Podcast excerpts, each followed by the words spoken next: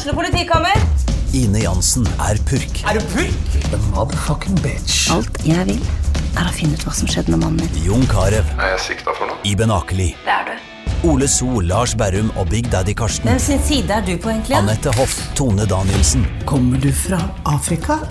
Jørnis Josef, Nesten. Kløfta. Trond Espen Seim, Det er synd å si det, men det var feil mann som døde. Purk. Premiere tirsdag på TV2 Play. Hei, og velkommen til en ny episode av Debrif med Dag Sørås.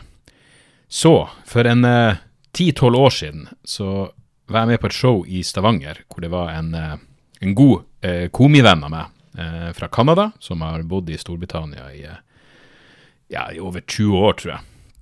Så vi satt og tok en drink etter showet, og så fortalte han meg at eh, på, et eller annet vis så kom vi inn på eh, Russell Brand. Eh, og da, da kunne min venn Glenn fortelle at uh, Russell Brand han er notorisk for å dope ned og voldta damer. Og jeg ble sånn Helvete! Jeg visste at han stjelte materialet, og det er jo ille nok i seg sjøl, men at, uh, at han holdt på sånn der, det er jo faktisk Ja, det er jo enda verre enn en, en vitsetyveri. Og selvfølgelig nesten enda mørkere fordi jeg vil tro Russell Brand eh, fikk ligge frivillig med ja, de fleste han hadde lyst til. Jeg mener, han er jo, eh, han er jo en, en, en åpenbart en, en pen og eh, sjarmerende eh, sosiopat. Eh, han fyller vel de fleste de fleste eh, punktene på psykopatisjekklista. Eh, Narsissisme, overfladisk sjarm, eh, manipulering osv. osv. osv. Og så har han jo Han begynte jo som en sånn eh, eh, Ja, hva begynte han som? Han, han var jo på eh, langt ute på venstresida politisk en gang i tida, og hadde vel noe show hvor han sammenligna seg sjøl med både Gandhi og Che Guevara uten selvironi. Um, mente at Che Guevara var i ren sjel osv. osv. osv. Ja, han har lest seg opp på Che Guevara ca. like mye som, som Morten Hegseth. Hadde ingen anelse tydeligvis om at Che Guevara er en, en morder og en rabiat homofob. Men i likhet med mange andre så virka det som om eh, covid førte til at eh, godeste Russell tok en liten sånn en skarp høyresving, og ble etter hvert en, eh, en eh, markant antivakser. Selvfølgelig støtta han Putin, og så videre. Eh, Ikke sant? Det, det er Kari Jakkesson-ruta, det her. Eh, forutsigbart, kjedelig, trist. Eh, mest trist siden han faktisk eh, ser ut til å nå ut til ganske mye, mye folk. Men så, denne uka, så kom jo eh, den sjokkerende nyheten om at eh, flere damer eh, går ut offentlig og anklager Russell Brand for voldtekt, emosjonelle overgrep, kontrollerende oppførsel, og de sedvanlige skapningene som man ville forventa skal ta han i forsvar uten å ha satt seg et fuckings fnugg inn i hva sakene handler om. Eh, de går ut og forsvarer han. Jordan Peterson selvfølgelig, Brett Weinstein selvfølgelig, Elon Musk, tru det eller ei, Elon Musk, han støtter Russell Brand fordi Russell Brand er et bra menneske. Hva han baserer det på, må jo faen vite når Russell Brand åpenbart, om han så ikke har voldtatt, så er han jo ikke et bra menneske. Men jeg så eh, jeg så den, eh, den dokumentaren som eh, Channel 4 har lagd om Russell Brand. Dispatch. eh, Den heter Russell Brand in plain sight. Og Dispatch-programmet er vel Storbritannias versjon av 60 Minutes. Eh, og det er mørke jævla saker. Um, og så må jo folk gjerne bare si at jo, men det er jo, det er jo bare det er jo ord mot ord, det er jo påstander. Eh, hvorfor venta de her damene ti år før de kommer ut med de her anklagene? Og så viser det seg jo ja, Ord mot ord vil det jo selvfølgelig være, men i ett tilfelle Ei dame som, eh, som innrømmer at eh, som, som gladelig, eller innrømmer, som forteller at hun hadde hun hadde et, eh, et sånn av og på-forhold. Det var et forhold. Hun var pulevenn med Russell Brand. Men hun ble eh, voldtatt av han. Eh, Dette var vel i 2012 eller 2013, eh, når han akkurat var begynt å bli På det tidspunktet var han i stor Hollywood-stjerne, så han hadde mye makt. I tillegg til å være en creepy, manipulerende satan. Så hun blir voldtatt av han, og drar da um, Jeg vet ikke nøyaktig hvor var hun? Hun var i hvert fall hos en lege, Hun, hun dro og ble undersøkt. De tok en DNA-prøve. Det finnes en rapport eh, med hennes forklaring. hun anmeldte han ikke til politiet fordi hun var redd han, og fordi han var så jævla mektig. Eh, så det der maktforholdet, eh, som er fullt fuckings forståelig Det er en million forskjellige grunner til at voldtekter ikke blir, blir anmeldt. Eh, men i dette tilfellet så finnes det jo faktisk et papirspor som er veldig interessant. Og så er det jo andre tilfeller hvor Russell Brand bare er creepy. Liksom, det, det, er ikke ulovlig for en 31 år gammel mann å være sammen med ei 16 år gammel jente, men det er da faen meg creepy. Uansett så kan du ikke benekte det. Og hun var jomfru, og han kalte det, det, altså, det er så inn i helvete mørkt. Og når han møtte mora Foreldrene til ei jenta de var åpenbart ikke noe glad over det her forholdet. Når han møtte mora hennes for første gang, så kyssa han henne på kjeften. Han, han er altså et ufordragelig jævla menneske. Hun forteller også en historie om, eh, om at han eh, Bare for å illustrere den kontrollerende oppførselen, så, eh, så satt de i boblebad, og så skulle han ut og gjøre noe. og Da sa han ja, du får bli her, du må bli i boblebadet til jeg kommer tilbake, så jeg vet hvor jeg har det. Og Hun ble jo sittende der og begynte å fryse, og etter hvert så gikk hun opp ut av boblebadet, og så når hun hørte at han kom tilbake, så sprang hun tilbake og satte seg der og lata som hun hadde sittet der hele tida. Han kom tilbake, så var han glad og fornøyd fordi da hadde hun, eh, da hadde hun adlydd han. ikke sant? En typisk kontrollerende psyko-oppførsel. Og så er det jo flere som står frem. Eh, og Russell Brand lagde altså Han prøvde å komme i forkjøpet. Eh, han prøvde å komme skandalen i forkjøpet med å lage en video som ble lagt ut på om det var YouTube eller hva faen. Den er, bare, den er vel under to minutter lang, i hvert fall den versjonen jeg har sett.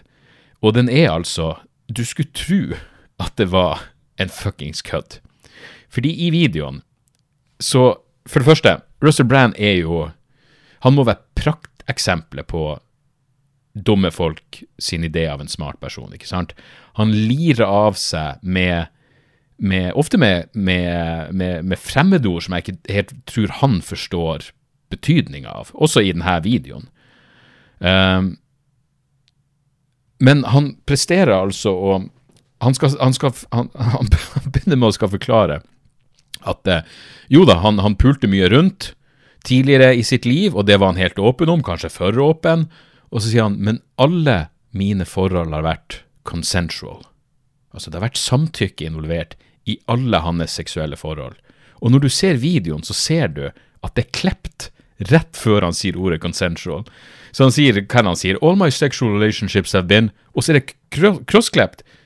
Og så sier han consensual. Og det er vel fordi han ikke klarte å si Han klarte ikke å lyge og si at alle hans seksuelle forhold hadde vært det med fullt samtykke. Så de måtte prøve på nytt igjen. Kan du ikke klare å bare si consensual? Si jeg, jeg, klarer å si consensual, men jeg klarer ikke å si hele setninga. Jeg kan si samtykke, men jeg kan ikke si at alle mine seksuelle forhold har inneholdt samtykke.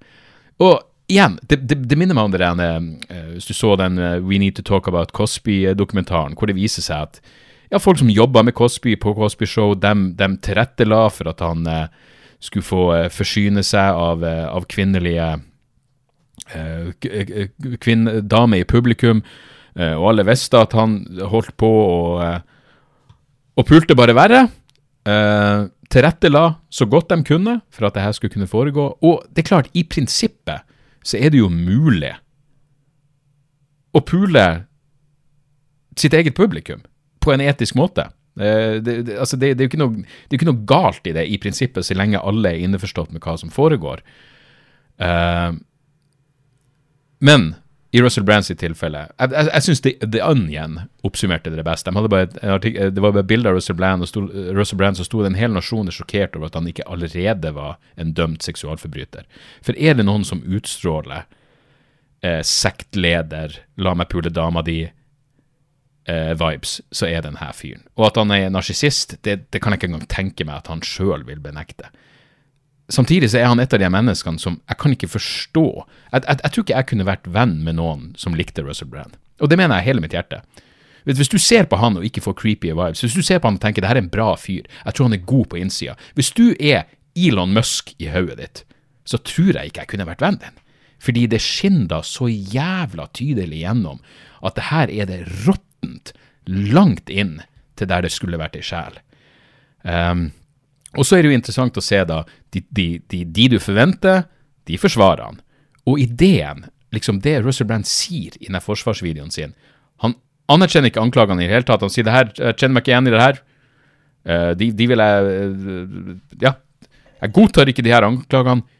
Men hvorfor blir han anklagd? Det er fordi han, er, han har nærma seg sannheten. Han har nærma seg sannheten. Han har hatt fans som har skrevet til han, de har skrevet til han hvis du dør, så vet jeg at du tok ikke livet av deg. Å nei, du nærmer deg sannheten. De, det er hans ord, de liker ikke at jeg nærmer meg sannheten, uten å utdype hvem de er, og hvordan jævla sannhet han noen gang har vært i nærheten av. Denne jævla pompøse intellektuelle vakuumet har det aldri, har det aldri vært innen armlengdes avstand av noe som er sant eller ekte. Som sagt så begynte han jo som en sånn jævla venstreradikal, og han skrev i bok som heter Revolution, eller noe sånt, som faen meg var så flau at fordi det er én ting å snakke. ikke sant? Når, du, når du, er en sjarmerende fyr som snakker jævlig fort og bruker en masse fremmedord, så kan jo igjen idioter la seg forføre av det du sier. Eller, eller vanlige folk kan bare la seg snakke rundt. Av at det høres ut som du har et poeng. Men hvis du hører etter, så innser du jo at han bruker bare jævlig lang tid på å gå rundt den evinnelige grøten før han aldri kommer til noe som er i nærheten av hva kan kalles noe konkret. Han sier ingen verdens jævla ting, og han er et av de verste eksemplene jeg noen gang har vært borti av, av, folk som ikke sier noen verdens ting. Jeg vil heller høre på Jordan Peterson enn fuckings Russell Brand. Det er helt ulidelig å høre han prøve å argumentere.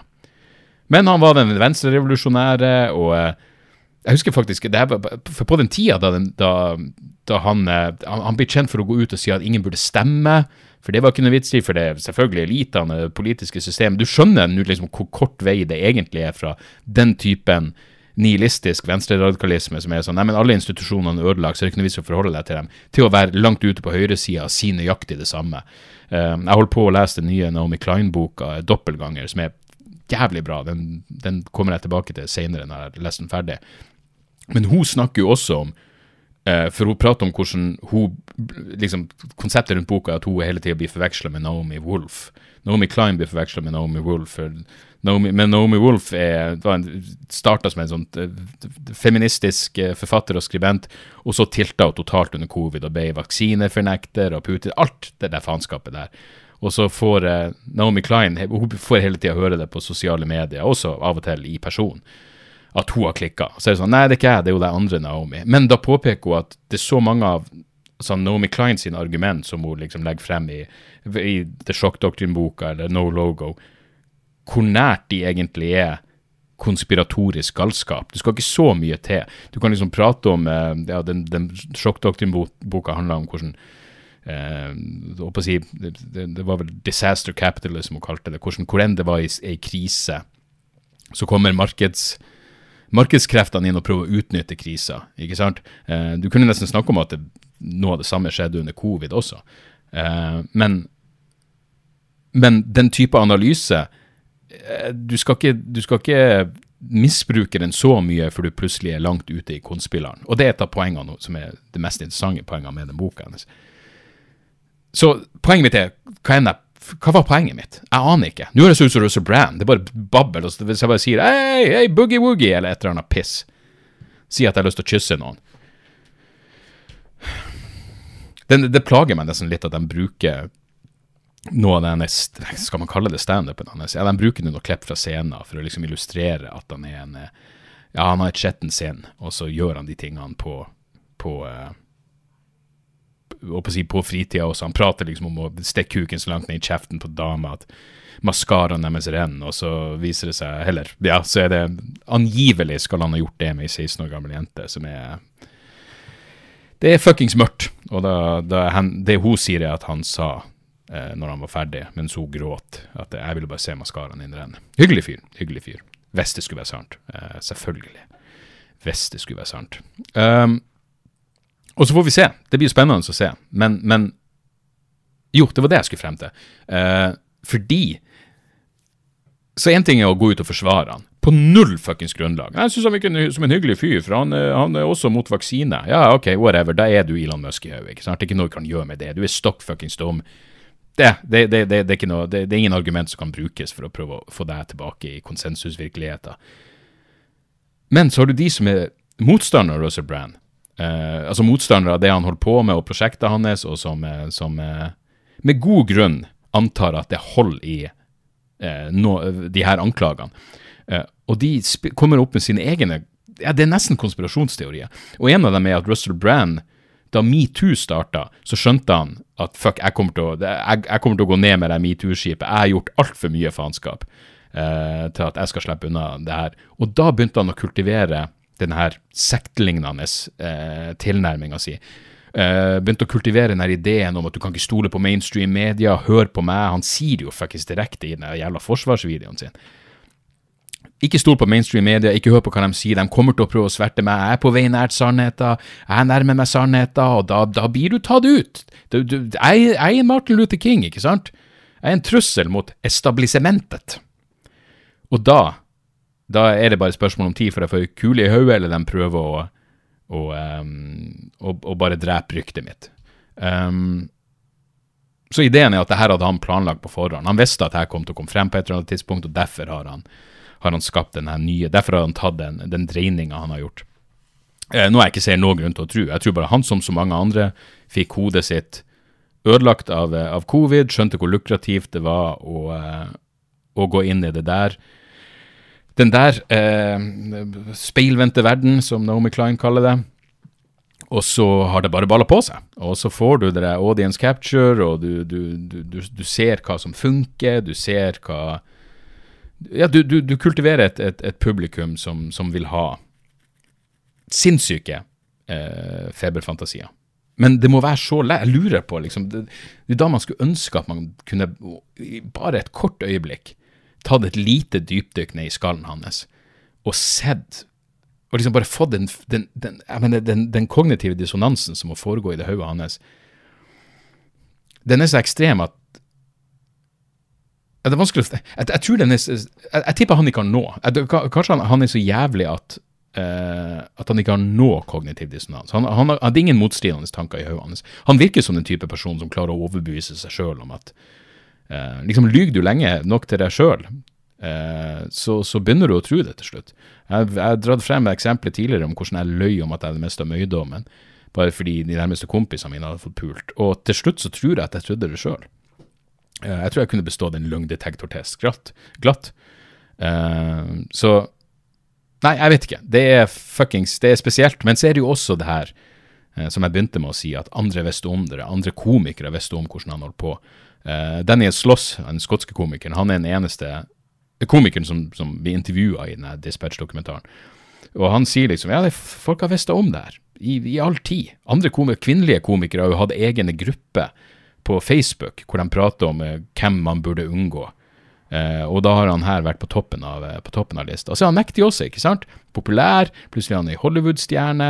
Det er den maktgreia her. Og han har jo selvfølgelig trua damen med at hvis du går ut med noe av det her, så kommer jeg til å fucking saksøke deg seg inn i helvete. Man skal ikke undervurdere de her tingene. Så den dynamikken, når fuckings Jordan Peters, Peterson skal begynne å spekulere Å, oh, hvem er det han har irritert nå? Hvilken sannhet er det han nærmer seg? Det, fy faen, altså tror, jeg tror at det er impulsene dine. Du må gjerne være sånn. Selvfølgelig, hvis det blir noen rettslige følger for det her, så skal det da bli en ordentlig rettssak, og da er han jo eh, da har han jo uskyldspresumpsjon, eller hva faen det heter, på lik linje med alle andre. Ser du, når du prater om Russell Brand, at du begynner å lire av deg uskyldspresumpsjon Det er ikke det det heter. Uskyldspresumpsjon. Uskyldspresumpsjon. Ja, for faen. Substantivt prinsipp om at en tiltalt i en straffesak er uskyldig inntil det motsatte er bevist. Det vil selvfølgelig gjelde. Men helvete heller. Det er da Ja. Inni mitt eget hode så kan jeg forhåndsdømme noen som inn i helvete. Vet du, Hvis jeg blir spurt om å, å sitte i juryen på denne rettssaken, så måtte jeg nok bare vært ærlig om at jeg klarer ikke å være objektiv. Uh, jeg er så hellig overbevist om at denne jævla fyren er skyldig. Det er ingen, det, vet du, det er, det, det er et klipp i den dokumentaren. Det er sånn Det, det er bare for fuckings det, er sånn, Du sitter og ser det, og så tenker du sånn Hva, hva, hva, hva er det jeg hører nå? Russell Brand intervjuer Jimmy Savile. Eh, notorisk pedonekro. Eh, Jimmy Savile Faen. Der var vi igjen. Jimmy Savile og Russell Brand. Jeg mener, Snakk om en meeting of the minds. Og uh, Russell Brand driver og prater om at uh, Han har en fin sekretær. Uh, som Jimmy Savile har selvfølgelig lyst til å hilse på, alt det der. Og Russell Brand bare Ja, nei, men altså, hvis du, hvis du vil at hun skal komme, og, komme over til deg, sir Jimmy, så sender jeg over naken. Hun er nødt til å gjøre det jeg sier uansett. Og så koser de seg frem og tilbake. Og det, det er klart, det er to gode gutter som koser seg. Litt guttastemning. De jazzer seg opp. Null jævla stress. Og det hele er jo bare så bekmørkt som man kan, eh, som man kan eh, forestille seg. Så det skal bli spennende å se eh, hvilke konsekvenser det her får. Men i mellomtida så vet vi. Her var det eh, Elon Musk skrev. I support Russell Brand. That man is not evil. Så da har vi i hvert fall klarhet i én jævla ting, som er det faktumet at Russell Brand er evil. Eh, Elon Musk var jo også heiv seg på nå eh, Ja, altså, det, det, det er vanskelig å vite hvordan Han heiv seg på eh, ideen om at eh, George Soros står bak eh, mye av migrasjonen til Europa, fordi eh, George Soros, som Elon Musk skriver, har lyst til å ødelegge den vestlige verden. Så fin fyr, smart kar. Fortjener en, en 700-siders eh, biografi som stort sett kysser han i ræva. Den mannen der, altså. Men det har ikke vært eh, noen lette dager for å være en, eh, en ræva komiker med, med suspekt moral. Eh, det her er jo selvfølgelig helt på den andre enden av skalaen, men eh, eh, Hva heter han igjen? Hasan Minaj. Eh, jeg, har bare aldri funnet han gøy. Han er vel kjent for noen Netflix eh, specials, og så hadde han et show som heter Patriot Act. Er, det var en artikkel om han i The New Yorker som heter uh, Skal vi se, hva var det igjen? Hassan Minajes Emotional Truths. Og denne, denne artikkelen var interessant for meg, fordi uh, Det er jo selvfølgelig Komikere overdriver jo av og til på scenen, og, eh, og, og noen komikere har jo Altså, det, det, hvis jeg forteller noe, hvis jeg forteller en historie på scenen, så er den essensielt sann. Den må bunne i noe sant. Jeg finner ikke bare på ting. Og så kan det selvfølgelig være detaljer jeg blingser på, og kanskje jeg sier feil rusmiddel, eller jeg husker et eller annet feil. Selvfølgelig kan det skje. Og av og til overdriver man også for komisk effekt. Men hvis jeg forteller en historie og sier det her er det som skjedde, så skjedde det. Uh, og så er det selvfølgelig masse komikere som bruker one love. Anthony Jeselnik eh, det, det, er ingen som tar det han sier, eh, bokstavelig. Så det finnes forskjellige typer komikk. Men hvis du er den typen komiker som snakker om ordentlige hendelser, om egen oppvekst, egne opplevelser, med tidvis navngitte folk, så må man jo i hvert fall kunne anta og forvente at de har noe form for basis i virkeligheten. Og med godeste Hasan Minaj så viser det seg at nope, han bare finner på ting. Han finner på ting og gjør seg sjøl til senteret han gjør seg selv til sentrum av historie som han ikke har noe med å gjøre, og hans forklaring er at jo, men det er en emosjonell sannhet i det her. Altså, det er kanskje ikke faktasannhet, men emosjonell sannhet det er den viktigste sannheten. Uh, jeg vil si meg kraftig, kraftig uenig. og den uh, reporteren fra New York da har da fått han i snakk og spør han om det her, og han er overraskende, som jeg sier, ærlig om det. Så her er et eksempel. Uh, han, har, han har en vits om at Eh, moskeen hans ble infiltrert av en FBI-agent. Eh, og det er jo noe som etter 9-11, da, kort tid etter 9-11. Eh, og det er jo noe som har skjedd i diverse muslimske miljø. du kan se dokumentaren som heter Terror, altså T-en i parentes, eller Terror eller Error, som handler om akkurat det her, hvordan FBI har gått inn i, i muslimske miljø. sendt folk inn, sendt agenter inn for å bli kjent, og så finne en eller annen mentalt ustabil ustabile eh, ungdom, vanligvis, og eh, overtaler dem til å utføre terrorangrep. Og så eh, akkurat idet de eh, mer eller mindre sier seg villige til å gjøre det, sier de aha, du er skyldig i terrorisme. Men godeste Hassan Minaj han har en historie om en spesifikk agent som han navngir på scenen. Ikke bare navngir han på scenen, men han viser eh, nyhetsopptak eh, om han her fyren. Eh, og at han infiltrerte moskeen til Hassan. Og han skjønte at et eller annet var galt, han skjønte at det her er det faen meg, det er noe det, det Jeg tror han er fyren FBI, altså. Jeg vet da faen, jeg bare føler det på meg. Og så viser det seg han er faen meg FBI, og så viser han nyhetsklippet, og så er det sånn, ja, der hadde jeg rett. Og så viser det seg han her fyren Da Hassan frekventerte, for å bruke et ord Russell Brand sikkert bruker Da han eh, pleide å gå i denne moskeen, så satt han der eh, navngitte FBI-informanten. Han satt i fengsel. Han slapp ut i 2006, og da infiltrerte han eh, en, en moské. Men han har aldri hatt noe med Hassan Minaj å gjøre i det hele tatt. Og det er sånn Da er det jo bare løgn. Jeg mener, Er det bare meg som syns at det er helt hins? Åpenbart ikke, det er jo det artikkelen her i stor grad handler om. Men hvordan kan du lyge om noe sånt? Og for å gjøre deg sjøl til helten i historien. Han har også en historie om at han, han fikk så mye drapstrusler, og det, er sånn, det tviler jeg ikke på. Alle får fuckings drapstrusler. Slutt å bruke det som et argument for noen verdens jævla ting. Er de ille nok, så får du anmelde det. I mellomtida er det bare sånn det er på sosiale medier. Folk blir å true deg på livet, og heldigvis så er det i de aller fleste tilfeller bare eh, bare eh, Hva heter det? Varm luft. Men Hassan Minaj tar selvfølgelig et steg lenger og forteller at han fikk et mystisk hvitt pulver i posten. Og han trodde det var Antrax. Og han sølte det, selvfølgelig, som seg hør og bør, sånn som skjer. Han sølte, han åpner opp en konvolutt, det er hvitt pulver, han tror det er Antrax, og hva gjør man da? Jo, selvfølgelig, man kvelder utover sin lille datter.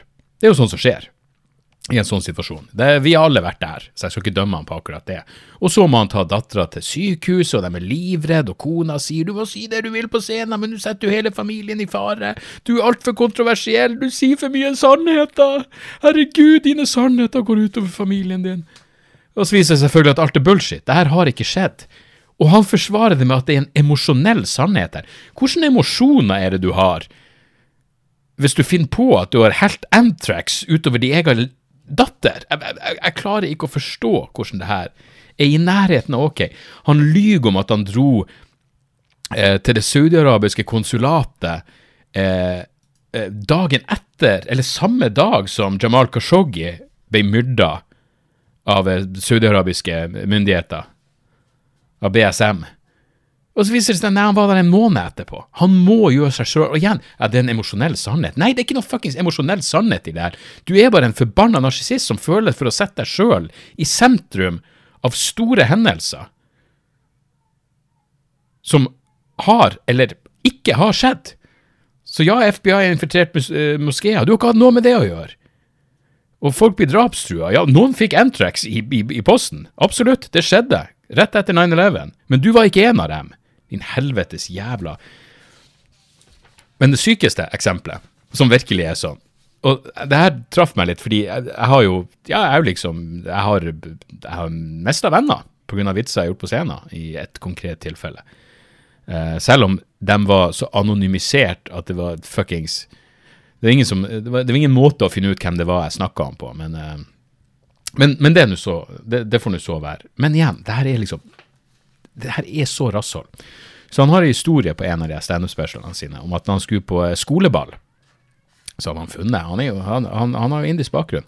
Da har han funnet ei hvit jente eh, som han var interessert i, og eh, de driver og kyssa og klemte og ble enige om at de skulle dra på skoleball i lag, og så kommer han dit! Han har med den lille blomsteren, den korsasjen, eller hva faen det heter, og så ser han at hun, hun driver og Det er en annen fyr der. Det er en annen gutt som skal ta henne på skoleballet. En hvit gutt. Og det viser seg foreldrene vil ikke at hun skal gå på skoleballet med en brun gutt, for det skulle tatt seg ut. Hva blir familien hennes å si? Så han har en, han har en, han har en historie om det. Garantert ikke noen punchlines, men det er en emosjonell sannhet der. Og så eh, prater han om det her på scenen, såpass tydelig da at folk, fansen hans, klarer å identifisere hvem hun her dama er. Så hun blir utsatt for en masse hets på nettet. Og så viser det seg at historia er bare bullshit. Som hun sier, og som han, Hassan Minasha, ettergir etter sjøl. Hun hadde aldri vært interessert i han. De var venner. Det var aldri snakk om at de skulle på skoleballet sammen. Og at hennes familie ikke liker brune gutter. Hun er dame er tilfeldigvis gift med en annen indisk mann. Sikkert en morsom indisk mann, i motsetning til denne jævla kuken. Men det ender ikke der. Det ville jo vært ille nok. Så du lyver på den måten og henger ut familien hennes som rasister når de ikke er det. Men i tillegg, og det her, nå er du over i Russell Brand-nivå, så inviterer han den der dama eh, og, den, og gubben hennes på showet sitt og forteller den løgnaktige versjonen av historien og tar i tillegg et, bilde, et stort bilde på scenen av dama og gubben hennes med sladda ansikt. Men igjen, som hun sier, det går an å identifisere dem ut ifra det her. Noe folk gjorde og begynte å hetse henne. Jeg mener, da er du faen meg over i totalt jævla psykoland. Og du må gjerne prate om emosjonelle sannheter så mye du vil, men du fuckings lyver. Han sier han er så mye drapstrua på Twitter, så på scenen så hadde han en backdrop full av tweets med drapstrusler, og ingen av dem var sann, det var bare funnet på. Hei, hvis du blir drapstrua så jævla mye, bruk nå de ordentlige drapstruslene. Det er så jævla Altså, det, det plager meg. Det, det fuckings plager meg. Og avslutninga på hele denne Hele artikkelen er bare så bra. Um, for hun prøver å sammenligne med han George Santa, som har løyet seg inn i helvete mye om at jeg vet da faen, foreldrene døde i holocaust, og han hoppa ut av ei bygning på 9-11 og overlevde. Gudene vet. George Santos er en, er en helt sinnssyk lystløgner. Uh, og da svarer Minaj uh, Minaj brushed the question off, altså sammenligninga. I think when George Santa says he's on the volleyball team, it's a pointless story. Minaj's fiction was always in service to a bigger point, putting him in a different moral category than Santos. Hvordan fuckings moralsk poeng har du når du bare handler om at du skal fremstå som et fantastisk menneske? Det handler ikke om rasisme, diskriminering, eh, eh, FBI-infiltrasjoner. Det handler om fuckings deg, og ingenting annet. Så avslutninga er When it came to his stage shows, he told me, the emotional truth is first, the factual truth is secondary. Ja, der har du faen meg den postfaktuelle nye konsensusvirkeligheten. Det finnes ingen virkelighet. Og hvis du lyver og er umorsom, kan du ikke i det minste være gøy, da? Hvis du bare skal finne på ting, kan man være morsom? Åh, Jesu navn. Så det er det her jeg gått og tenkt på i stedet for Erna Solberg og gubben hennes. jeg hadde andre ting å fokusere på, tydeligvis. Gud, det har vært for mye Russell Brand i hodet mitt i det siste. Men det var et par interessante ting jeg beit meg merke i i dag. Um, fordi det, det, er en sammenheng mellom det her og I hvert fall mellom Russell Brands tilnærming til, til virkeligheten og det og levebrødet hans, som er å spre paranoide feberfantasier, og det som foregår i Norge akkurat nå. For det er jo ingen tvil. Det var Mimi Kristiansson som sa det, at, at uh, det, det, her kan føre til tillitskrise når det kommer til, til selve demokratiet, og det tror jeg er, er, helt jævla helt jævla rett. Så det var et par ting jeg beit meg merke i dag når jeg leste uh, Det her var vel i Klassekampen. Først så er det en professor ved Høgskolen i Innlandet, Bent, Bent Sofus Tranøy.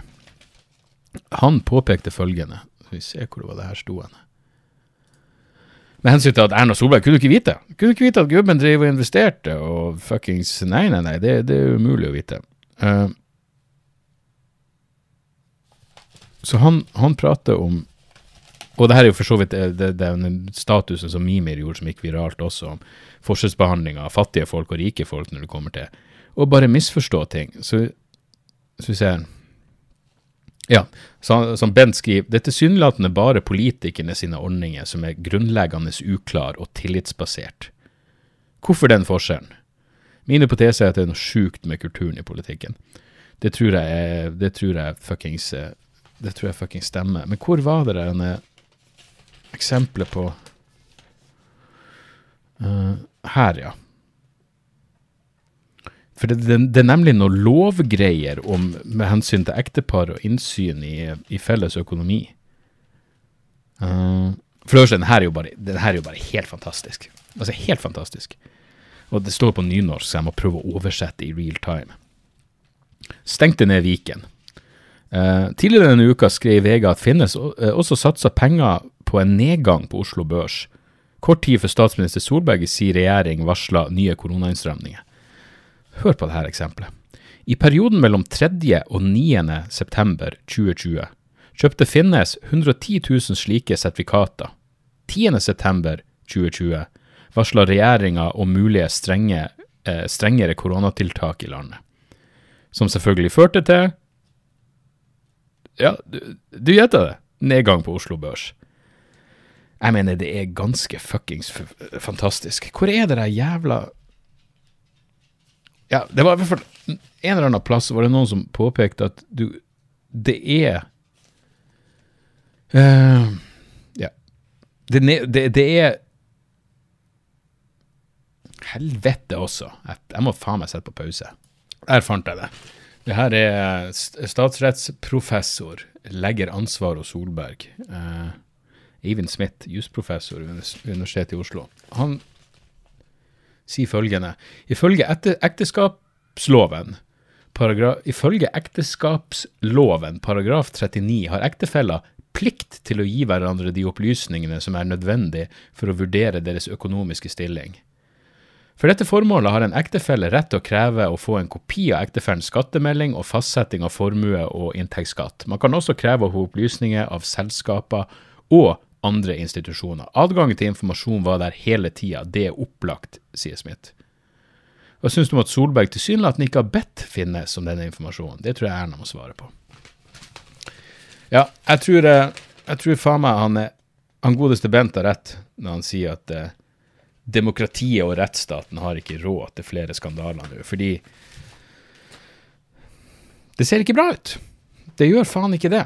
Eh, og eh, ja, Norge er et tillitssamfunn og alt det der, med de fordelene og potensielle bakdelene det bringer, men det er ingen tvil om at nordmenn, meg inkludert, har hatt et ekstremt naivt forhold til hva folkene på toppen tillater seg av personlig berikelse. Det er faen meg Det, det er så inn i helvete skammelig. Og da selvfølgelig, særlig når du, som Mimi Kristiansson gjorde, sammenligner med behandlingen av folk som eh, muligens har misforstått et eller annet i Nav-søknaden. For da er det faen ikke grense for hvor, eh, hvor hardt du skal tas.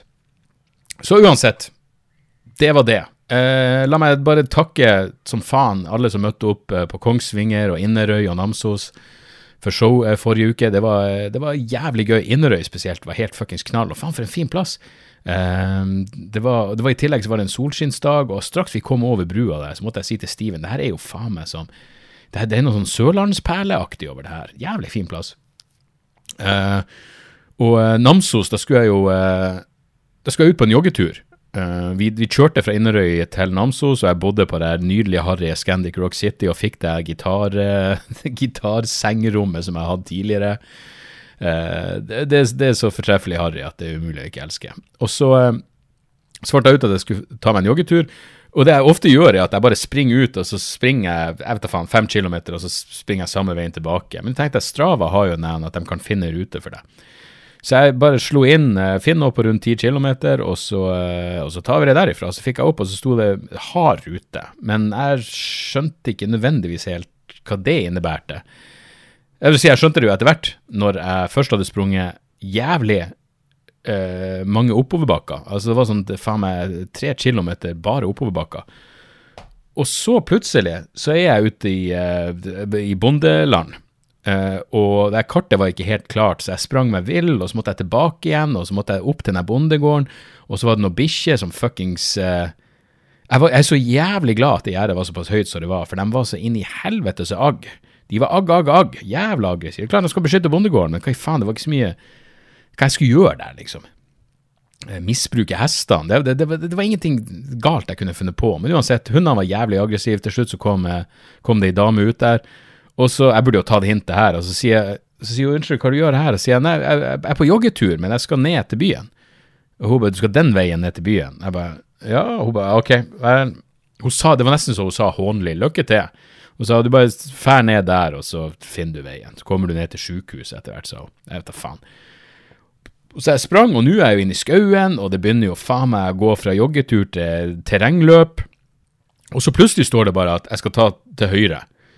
Og eh, Så jeg springer selvfølgelig forbi det. Det står et skilt ut mot høyre, men det er jo rett ut i rett opp i fjellet, så det kan jo ikke stemme. Og så skjønner jeg jo det var der jeg skulle ta til høyre, og så er det tilbake. Og så uansett Lang historie kort, så er det jo faen meg fjellklatring. Jeg, det var så jævla eh, Og det irriterte meg først, fordi jeg, jeg er på joggetur, for faen. Jeg har lyst til å ha fart.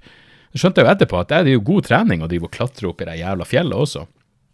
Eh, så jeg klatra opp og klarte liksom å på et eller annet vis følge det jævla kartet. Og så, da jeg var plutselig nærma meg, så tenkte jeg nå er jeg på, på vei ned igjen, i hvert fall. Og det føltes jo livsfarlig, fordi det pissregna, og det var så jævla glatt på de her steinene. Så jeg tenkte ok, jeg har den ene 113-appen, og så la jeg bare halvveis køddende ut på Instagram et, et bilde av posisjonen min, og så skrev jeg hvis jeg ikke møter opp til sushi, Steven, så må du komme send hjelp hitet. Uh, og jeg var faen meg 50 seriøs, for jeg tenkte det, hvis jeg detter her, så er jeg fucked. Det er til å slå bakhodet, så da blir jeg bare liggende her. Det, det er over. Men så kommer det plutselig så kommer det, Plutselig ser jeg at det kommer ei, ei ung dame gående mot meg, langt nede. og så, så jeg tenker sånn, jeg, så jeg bare og vi møtes liksom på en sånn kinkig plass hvor jeg er på vei ned og hun er på vei opp, og det er ganske bratt. Men jeg bare begynner å snakke til henne, uh, og så sier jeg sånn Hei, unnskyld, hvor lang tid tar det Og jeg merker at hun var litt sånn stand-off-ish, heter det vel. Uh, og jeg tenkte, det er jo forståelig, vi er jo midt ute i fuckings skauen. Liksom, jeg, jeg kommer ei ung dame vandrende, så jeg er jo skjeggete gammel gubbe, ikke sant. Så jeg jeg skjønner at hun muligens var skeptisk. Hun skjønte liksom ikke hva jeg mente. Jeg bare er langt ned, og så skal jeg begynne å forklare. Nei, men jeg skulle egentlig bare ta en joggetur, og plutselig var det fuckings fjellklatring, og nå er jeg her. Jeg vil bare tilbake til hotellet. Så sånn, hvis du bare fortsetter ned i 20 minutter, så, så, så, så, er du der. Så jeg bare ok, greit, takk, og så for jeg videre. Og så, eh, så møtte jeg et par stykker til. Jeg møtte en far og en liten unge, så jeg skjønte at ja, det er jo litt folk å, å vandre her. Og så måtte jeg pisse inn i helvete, så jeg bare stoppa midt på stien. Og jeg tenker, jeg er jo midt i skauen, det er null stress, begynner å pisse. Heldigvis hadde de jævla hodetelefonene mine gått tom for, eh, for, batteri, så jeg hadde ikke noe på ørene. Så jeg står og pisser midt på stien når jeg hører at det kommer noen bak meg. Så jeg gikk inn lille dag, og så snur jeg meg. Der er faen meg hun dama. Hun fine dama er på vei ned igjen. Helvete hvor kjapp hun har vært. faen er det som skjer her ute? Er det ei kråke, eller er det Ja. Så, eh, så hun er på vei ned igjen. Og uh, det var igjen et sånt trangt område, så jeg bare gikk ut til sida og så sa jeg, du er raskere enn meg, så bare fuckings bare gå foran meg videre nedover. Og nå har jo hun skjønt at jeg skal ikke forgripe meg på henne. Jeg er ikke noe fuckings Russell Brand. Så nå var hun mye hyggeligere. Hun var superhyggelig og var sånn OK, men du skal ned, men det er et stykke. Sier jeg har bil der nede, du kan få sett på. Og jeg bare Takk, det var jævlig hyggelig. Uh, Uh, jævlig hyggelig tilbud, men, men, jeg skal jogge tilbake til hotellet, så alt ordner seg. Så det bare viser seg. Hun var, hun var selvfølgelig skeptisk i starten, og hun skjønte at det ikke var uh, Det var ikke den typen ondskap i meg, så, uh, så, var alt Da kunne jeg få sett på. Så det var trivelig. Jævlig trivelig. Det, alle i Trøndelag er faktisk trivelig. Og så var det tilbake på hotellet, og det her tok jo jævlig mye lengre tid. Jeg så jo for meg en 50 minutters joggetur. Det ble jo faen meg Jeg var vel ute i faen meg over en og en halv time. Så var chilla han litt og dusje. Og så hadde jeg bestilt, eh, bestilt bord på en sushiplass til kvart over seks, og da er det showstart halv åtte. Og det er sånn, det bør gå fint. Jeg burde jo ha skjønt med en gang. Altså Her opererte de med et system hvor det var to stykker på kjøkkenet og én servitør. Og de hadde takeaway pågående kontinuerlig, samtidig som det var masse gjester der. Og jeg bare skjønte, fordi når jeg kom dit, så satt det en jentegjeng. De var faen meg en åtte-ni stykker. Og jeg hadde vel sittet der i 40 minutter Vi hadde sittet der i 40 minutter da de fikk maten. Og da skjønte jeg at de som satt med sine, altså, var der når jeg kom, og de hadde ikke fått De hadde ikke fått maten. Så det ble bare mer og mer stress. Og til slutt så måtte vi Klokka var ti over syv. Det var showstart halv åtte.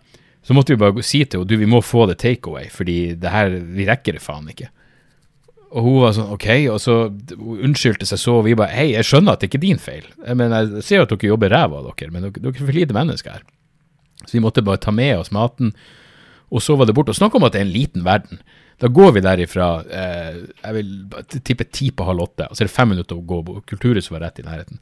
Og når vi kommer der, så må vi gå igjennom Folk er jo på vei inn, det er jo showstart om fem minutter. Så vi må gå igjennom, så finner vi han sjefen på huset, og så sier jeg sorry, det var sushien kom jo faen meg alle. Han bare jeg vet, jeg hørte det. Jeg bare, Hvordan i faen kan du høre det? Det er fem minutter siden vi gikk derifra. Men eh, eh, det var ikke noe stress, for selvfølgelig var det ølkø, noe det alltid er. Så uh, jeg fikk brøtt i meg i hvert fall halvparten av sushien, og så, og så, så var det showtime. Og, uh, kjempeshow, hyggelige folk. Vi var ute en tur etterpå der. Det var rolig. Kongsberg, uh, Kongsvinger. Så dro vi jo hjem rett etter showet, og Inderøy kjørte vi rett etter showet, så det var stille og rolig. Så nå tenkte vi nå må vi gå ut og ta en drink etterpå. Og uh, traff vi på noen folk som hadde vært på showet, det var noen Galliano-shots og noe faenskap. Uh, jeg hadde i hvert fall vett å dra ræva mi hjem i i halv ett-tida. Jeg tror Steven var der til klokka to. Men det var, eh, det var jævlig gøy. Og det er sånne, ja, sånne kvelder er fuckings når, Bra show, og så går du ut og treffer noen lokalbefolkning. Og eh, ja, meget, meget så jævla trivelig. Så nå er det eh, pause denne helga, for denne helga skal jeg faen meg til Færøyene. Og det er helt igjen når man tror at det, det er en glitch i Matrixen. På torsdag, når vi er i Kongsvinger, så begynner Steven å prate om faen. Bare sånn helt ut av det blå, så sier han bare faen, han, han skal til Karibien, og han kjenner en fra Karibien som bor eh, delvis på Færøyene. Han bor halve tida på Færøyene, halve tida i Karibien, eller faen vet hva detaljene var. Men så sier han faen, du skulle gjort et show på Færøyene, det hadde vært kult. Og jeg bare ja, faen, Færøyene, det er en sånn plass hvor jeg bare Ja, dit kunne vi dratt og bare gått i null for historia sin del. Og Steven var sånn ja, faen, han har jævlig lyst til å ferdig dit. Så sitter vi der, da, eh, på Inderøy, dagen etterpå, og spiser eh, spis ned på kaia. Og jeg får faen meg en melding. Er du ledig på lørdag? Eh, firmajobb på Færøyene. Jeg bare fuckings kødder du? Helvete heller. Jeg bare viser Steven han, det går faen ikke an. Jeg bare jo, det hvis faen går det an. Så nå skal jeg dit. Jeg drar til Færøyene på fredag, så har jeg litt tid til å se meg rundt. Og så, og så har jeg show på lørdag, og så er jeg tilbake på søndag. Men det blir jo sånn, igjen, det, det er ikke den Ja.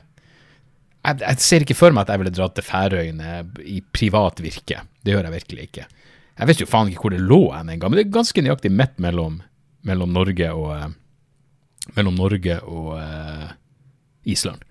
Jeg pratet med morsan i sted, hun var sånn hvordan mynte hvordan penger har de der? Jeg bare ikke fjerneste anelse, men jeg, kan, jeg vet da faen om jeg kan bare satse på at du kan betale med kort der, jeg aner ikke. Jeg, jeg har litt ting å sjekke opp, men, men jeg er så glad at jeg kunne dra ned på fredag, så jeg får en dag til å bare Jeg har lyst til å bare trø alene og sette meg på en liten lokal pub på Færøyene og ta inn stemninga. Det høres helt nydelig ut.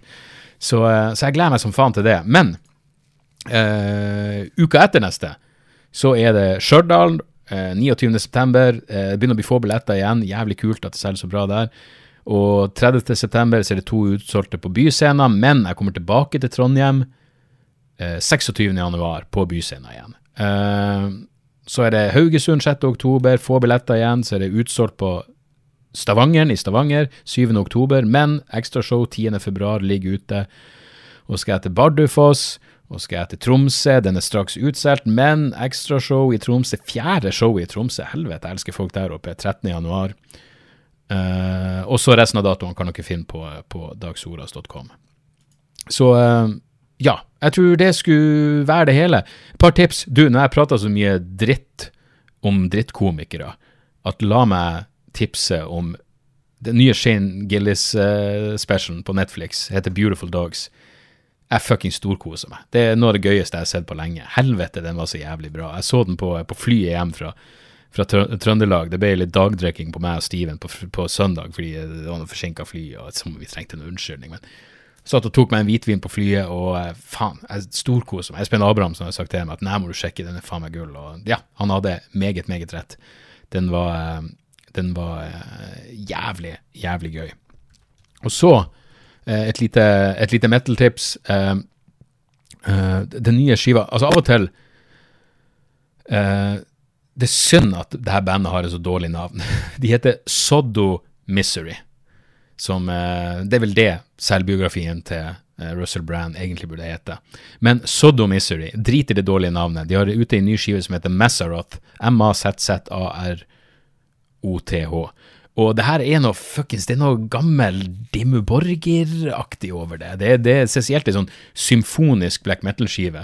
Men Soddo Misery får det til å høres ut som et sånt køddband, når det egentlig er ei konseptskive om fuckings mental helse og mentale issues. og Jævlig bra. Uh, og liksom sånn helhetlig, jævlig bra produksjon. Hvis du liker black, black, black metal, hvis du savner liksom Death Cult Armageddon-tida til, til Dimmu um, Ja kan absolutt anbefale. Sodomisery, Mazzaroth. Så, uh, så, der. Det var det. Det var ukas episode. På fredag kommer det en bonusepisode. Et intervju, eller en prat. Det her var i høyeste grad den type episode som gikk så bra at det var en prat og ikke et intervju. Men jeg har en lang, jævlig nerdete og jævlig mørk prat med Lasse Josefsen om, om, ekstremisme i alle sine former, som, som, bare er å se frem til. Men det er vel også den eneste samtalen jeg har hatt så langt hvor jeg faen meg vurderer og, om det kanskje burde være en trigger warning, for vi, vi går inn på noe mørk tematikk, eh, som seg hør og bør. Men uh, uansett, jeg håper livet behandler dere bra, og uh, at vi høres igjen uh, ja, på fredag og neste uke. Og så videre og så videre og så videre. Vi høres, folkens. Tjo og hei. Har du et enkeltpersonforetak eller en liten bedrift? Da er du sikkert lei av å høre meg snakke om hvor enkelt det er med kvitteringer og bilag i fiken, så vi eh, gir oss her, vi. Fordi vi liker enkelt. Fiken superenkelt regnskap.